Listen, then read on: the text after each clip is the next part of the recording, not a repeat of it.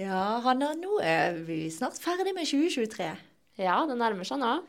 Hvis du ser tilbake på det året som har gått, og så sier jeg klimaåret 2023, hva tenker du på da? Da tenker jeg jo fort på ekstremvær og klimaendringer, skogbrann. Litt sånn Ja, og ekstrem hete, Ja. det varmeste året som noen gang. Altså, det, det er mye ekstremt i dårlig retning i det året som har gått, men heldigvis, Hanna, så ser vi at det skjer mye på den positive siden også. Det gjør det. Heldigvis så er det mange som jobber for at vi skal nå målene. Og det møter vi jo klimapartnere hele tiden. Og så er det noe som er enda mer spennende, kanskje, på internasjonalt nivå. Altså det er nye krav og reguleringer, og dette er noe som eh, mange merker her i Norge også. Absolutt. Og da er det jo så bra at vi kan få hjelp til å navigere litt i dette. Så nå skal vi se nærmere på klimaåret 2023 sammen med vår husekspert og bærekraftsekspert Inki Brown fra PwC Bergen. Vi skal snakke om eh, hvordan hun har opplevd året fra sitt perspektiv. Så skal vi kanskje se litt inn i fremtiden. Jeg er Renate Nedregård, leder i Klimapartner i Vestland og programleder for denne podkasten. Og jeg er Hanna Emilie Rørseth Johansson, og jeg er produsent. Du hører på Operasjon nullutslipp. Vi er veldig glad for å ønske velkommen i dag til hun som jeg liker å kalle for vår husekspert, Inki Brown. Velkommen til podkasten. Tusen takk, Renate. En glede å være her. Du har jo vært med i podkasten Operasjon nullutslipp før, og det er jo gode grunner til at vi inviterer deg igjen. Så for dere som hører på denne episoden, hvis dere ikke har fått med dere de to episodene som ligger ute med Inky Brown fra før, så vil jeg anbefale å få med dere de. For de er proppfull av veldig eh, liksom god faktakunnskap og eh, terminologi. Veldig enkelt og pedagogisk forklart, eh, som vi har bruk for. Men i dag skal vi snakke om noe annet, Inky. Ja. I dag eh, sitter vi jo her helt på tampen av året, det er ikke lenge til jul, og så ser vi litt bakover på året som har gått. Og jeg må jo innrømme at for oss som jobber med klima og er opptatt av å følge det, så har det vært mye litt deprimerende. Vi har det varmeste året som noensinne er målt. Eh, ekstremvær som vi for noen år siden fryktet at ville komme, er nærmest blitt en del av normalen. Det er nesten som vi, som vi ikke blir overrasket lenger, men bl.a. da det, disse ekstreme hetebølgene, og det er skogbranner og eh, mye å bekymre seg for. Men her hjemme i Vestland så jobbes det jo ganske iherdig. Og det er det jeg har lyst til å se litt på sammen med deg, Inki. For du jobber jo til daglig i eh, PwC Bergen med bærekraftsrådgivning. Og hvis vi ser på klimaåret 2023 fra ditt ståsted, hvordan kan vi da Hva kan vi da trekke frem? Jo, jeg må jo si at jeg opplever en økende modenhet på dette med klima blant virksomhetene eh, som vi jobber sammen med, eh, og som jeg treffer ute i markedet. Um, vi ser at det er stadig flere som ønsker å få på plass gode klimastrategier, som jo også innebærer å få en oversikt over hvor er det de påvirker klimaet. De ønsker å sette seg mål, de ønsker å finne ut hvilke tiltak er det vi skal sette inn som faktisk vil monne.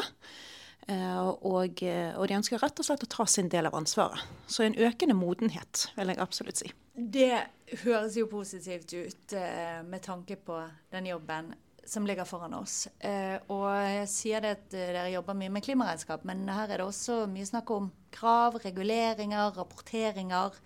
Har det vært noe nytt på dette området i løpet av det siste året? Det har det. Eh, Det er jo stadig flere som får øynene opp for at det kommer krav på bærekraftsrapportering. Det største som kommer, er nok det som vi kaller bærekraftsdirektivet. CSRD, som det heter på, på EU-språk. Det må vi venne oss til. CD. CSRD. Corporate Sustainability Reporting Directive. Uh, og dette går rett og slett på at man skal finne ut hvilke bærekraftstema er det som er vesentlig for vår virksomhet.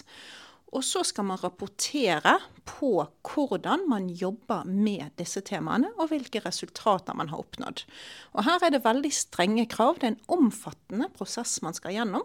Man kan ikke bare sette seg ned i et styrerom i en uh, halvtime og, og, nærmest kaste pil på et, uh, et, oppslag av FNs bærekraftsmål. Man må faktisk gjøre grundige analyser, og så er det høye krav til kvaliteten på data som skal rapporteres inn. Hvem er det som blir truffet av dette direktivet? Dette er faktisk veldig mange selskaper. Eh, I første omgang, de som må rapportere fra rapporteringsåret 2024, er stort sett de større selskapene som er børsnoterte. Men fra 2025 så er det mange andre større selskaper som også vil bli truffet. Um, og, uh, og da trenger man ikke lenger å være børsnotert. Og så er da tanken at dette skal rulles ut videre til stadig, uh, stadig mindre virksomheter. Så det vil si at de største virksomhetene, de som da blir definert som, som store virksomheter i, eh, i, norsk lovgivning, vil bli nødt til å rapportere på dette. Men det vil også treffe veldig mange andre indirekte. Nettopp fordi at du skal ikke bare se på hva som skjer på egen drift, du skal også se på hva som skjer i verdikjeden din. Så det vil si at hvis man sitter i et forholdsvis lite selskap, men har en stor kunde som blir nødt til å rapportere, så kan det veldig godt være at den kunden kommer til deg og sier du, vi handlet for 10 millioner hos deg i fjor. Hva var klimapåvirkningen av det vi kjøpte hos deg? Litt sånn som det kanskje mange har opplevd når det gjelder åpenhetsloven. At man faktisk får flere av disse spørsmålene fra kundene sine. Og trenger å hente opp de dataene og kunne gi det, det grunnlaget. Fordi at man har kunder som blir truffet av lovgivning. Og I tillegg så tror jo vi at dette kommer til å øke forventningene til hva er det som utgjør god bærekraftsrapportering. At man kan ikke lenger ha en bærekraftsrapport hvor man sier yes, vi har sendt hele teamet på strandrydding en dag, og vi har gitt penger til en skole i Uganda, så vi er så bærekraftige. Her skal man egentlig, i henhold til EU, så skal da kravene til bærekraftsrapportering de løftes opp på samme nivå som man per i dag har på finansrapportering. Her skal man faktisk ha god kvalitet på tallene, og man skal ha tredjepartsrevisor inne som skal sjekke at dette her er riktig. Så her blir det en helt annen kvalitet og en helt annen forventning til hva som skal til. Dette er jo en ganske stor omveltning for de selskapene som har tenkt at uh, dette angår ikke oss, og ikke har begynt å se på det. I Klimapartnere så har jo vi eh, pushet på at eh, alle partnerne våre skal levere klimaregnskap. Vil det være tilstrekkelig? Det vil ikke være tilstrekkelig.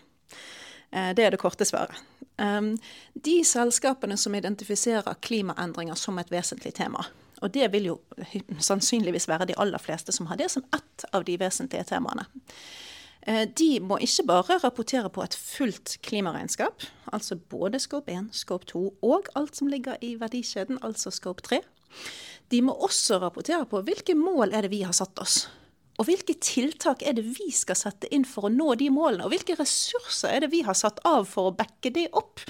Man må faktisk ned på et helt annet nivå Eh, av detaljer enn det man tidligere ofte har sett i sånne bærekraftsrapporter.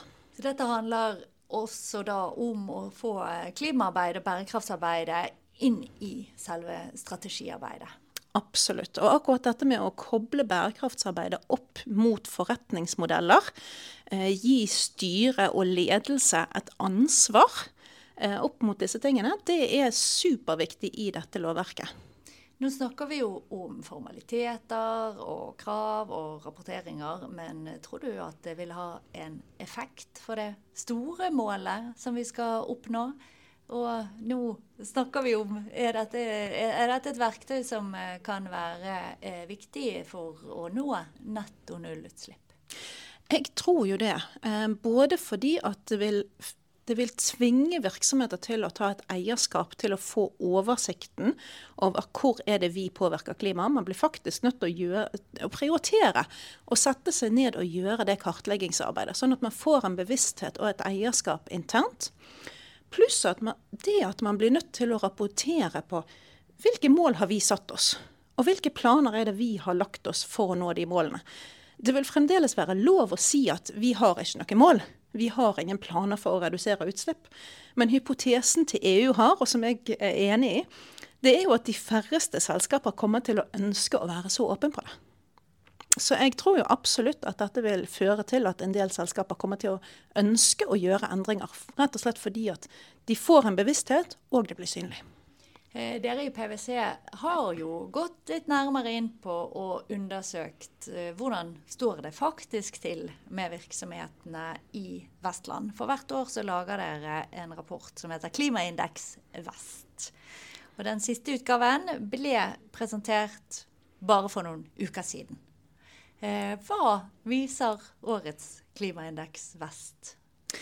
Ja, eh, dette er jo som du sier en, en regional versjon av den nasjonale eh, klimaindeksen, hvor vi ser på de 100 største selskapene i Norge. Eh, her ser vi på de 50 største på Vestlandet. Uh, og, og, da ser vi på hvor mange av disse selskapene er det for det første som har god klimarapportering. Og blant de selskapene som har god klimarapportering for de foregående tre årene, så ser vi på har de faktisk klart å oppnå reduksjoner, og er de reduksjonene store nok til å nå målene i Parisavtalen. Og det som vi ser, er at i år eh, så har vi hatt en, eh, en, liten oppgang. Det er opp fra tre til fem som faktisk har klart å oppnå reduksjoner i tråd med Parisavtalen. Fem av 50, altså? Fem av 50, ja. Det er det. Så det, det er 10 eh, Så det går jo for sakte.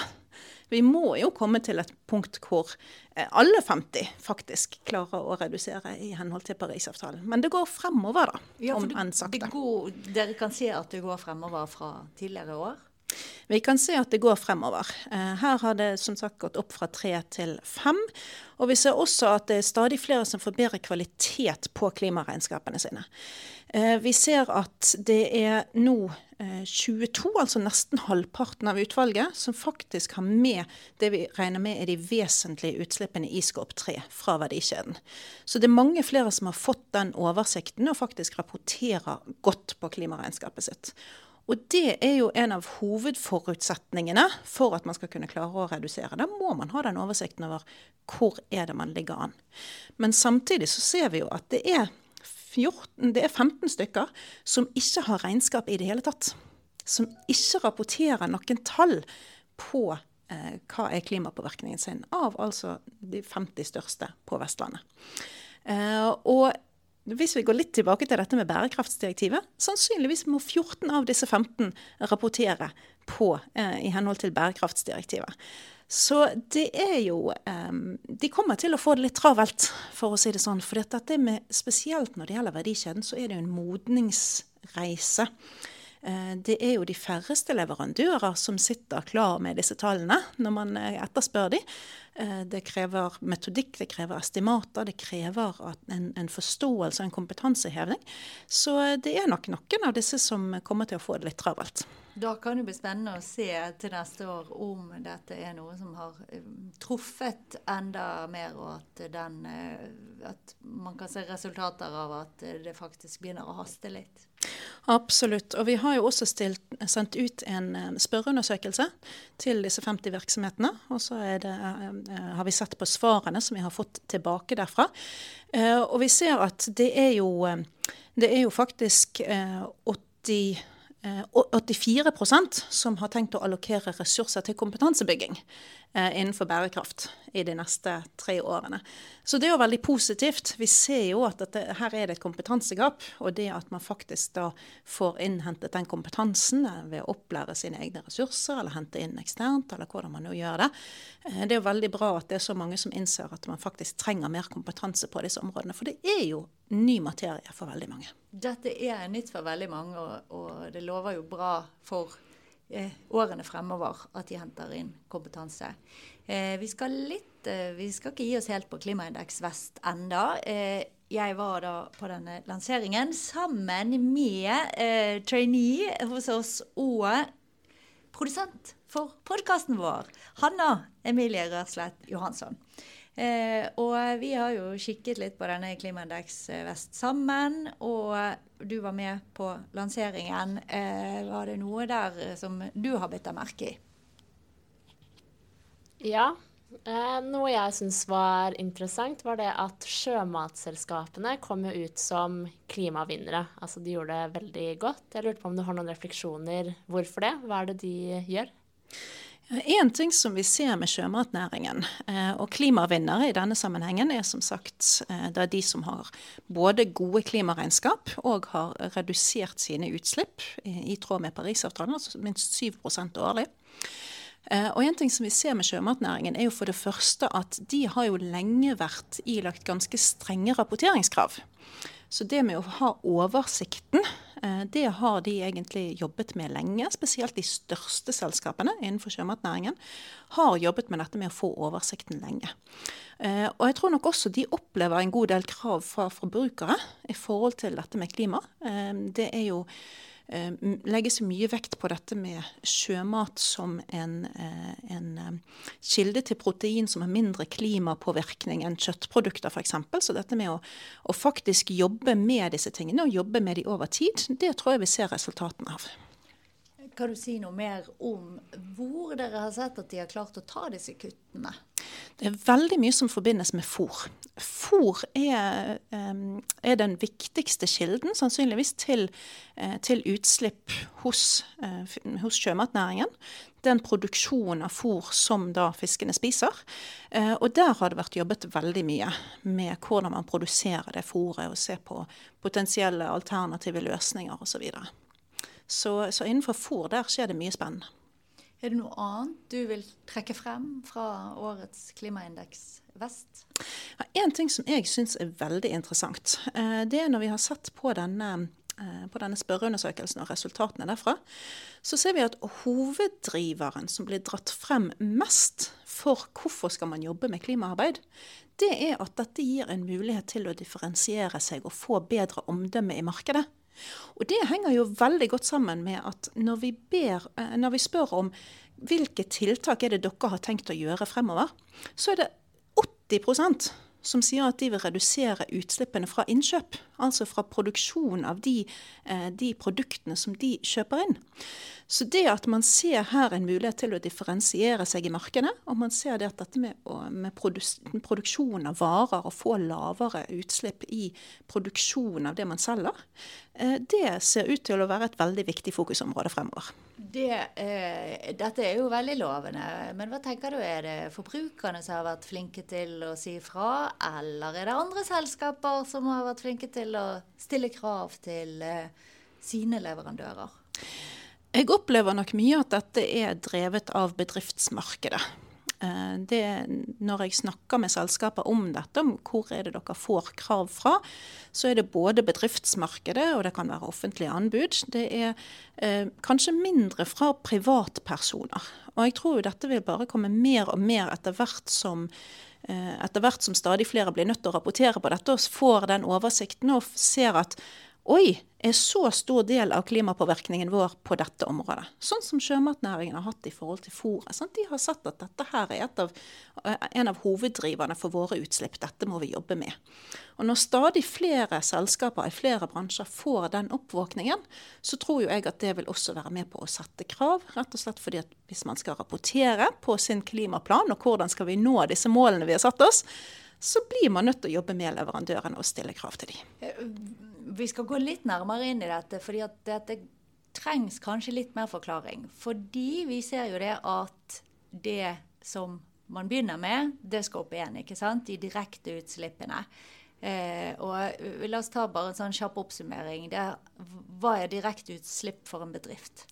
Ja, så Skop 1 det er som du sier, de direkte utslippene. så Da snakker vi gjerne om f.eks. For forbrenning av drivstoff i virksomheten sin, sine biler.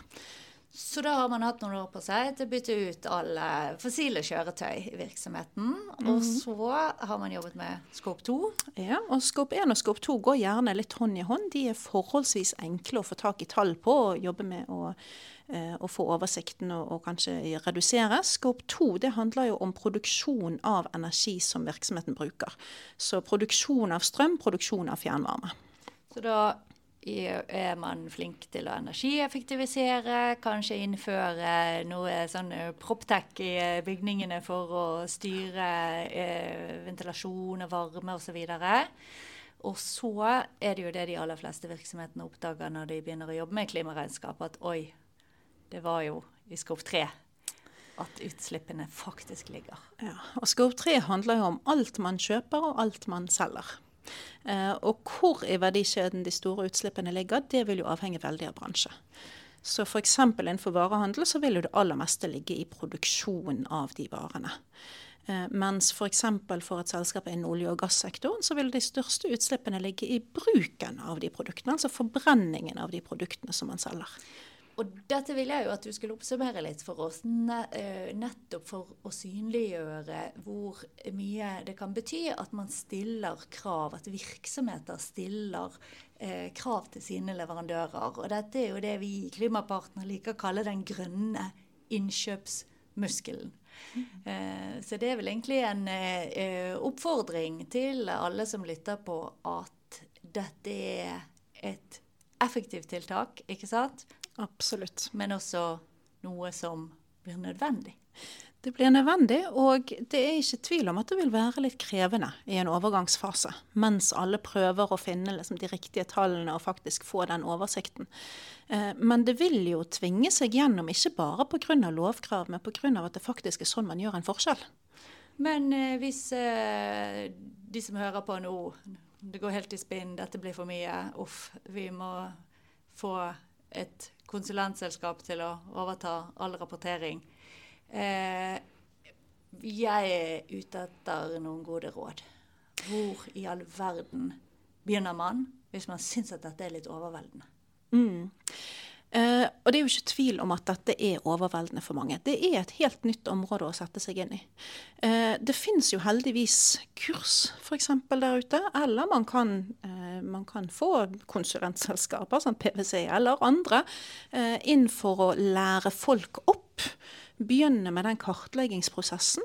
Men det er jo veldig viktig at virksomhetene selv tar et eierskap til dette. Eh, så som, som, rådgiver så ville jeg jo ikke kommet inn til et selskap og bare tatt over den biten der uten at selskapet selv lærte av dette og faktisk tok eierskap. Dette er kunnskap de trenger. Dette er kunnskap de trenger, men det er jo ikke overraskende at mange opplever det som litt overveldende og trenger litt hjelp på veien til å forstå og til å kunne luke ut hva er det faktisk som er viktig for oss hvordan skal, er det fornuftig at vi tolker disse reglene og disse metodikkene for, eh, for å faktisk få det, det, beste resultatet. Du nevnte i starten, når vi da ser tilbake på 2023 og eh, klimaarbeidet fra et ståsted hvor man faktisk jobber med virksomheter for å bidra til grønn omstilling, så snakket du om at du ser et økt modenhetsnivå. Er det, det, er det dette det handler om? At man har lykkes i å få mer kunnskap? Jeg tror det er mange som, som, er på den modningsreisen, og som har begynt å, å, kunne snakke om hva er det som ligger i Skorp 3 for vår virksomhet osv. Men det er nok en god del selskaper som har en lang vei igjen å gå før de har en komplett klimastrategi. Eh, i forhold til å sette seg mål og lage planer for hvordan skal vi redusere osv. Så, videre. um, så det er nok uh, fremdeles et stykke igjen å gå for mange, men jeg vil absolutt si at vi er på riktig vei. Uh, så det er noe som, som oppmuntrer meg. Eh, vi nærmer jo oss eh, nyttår.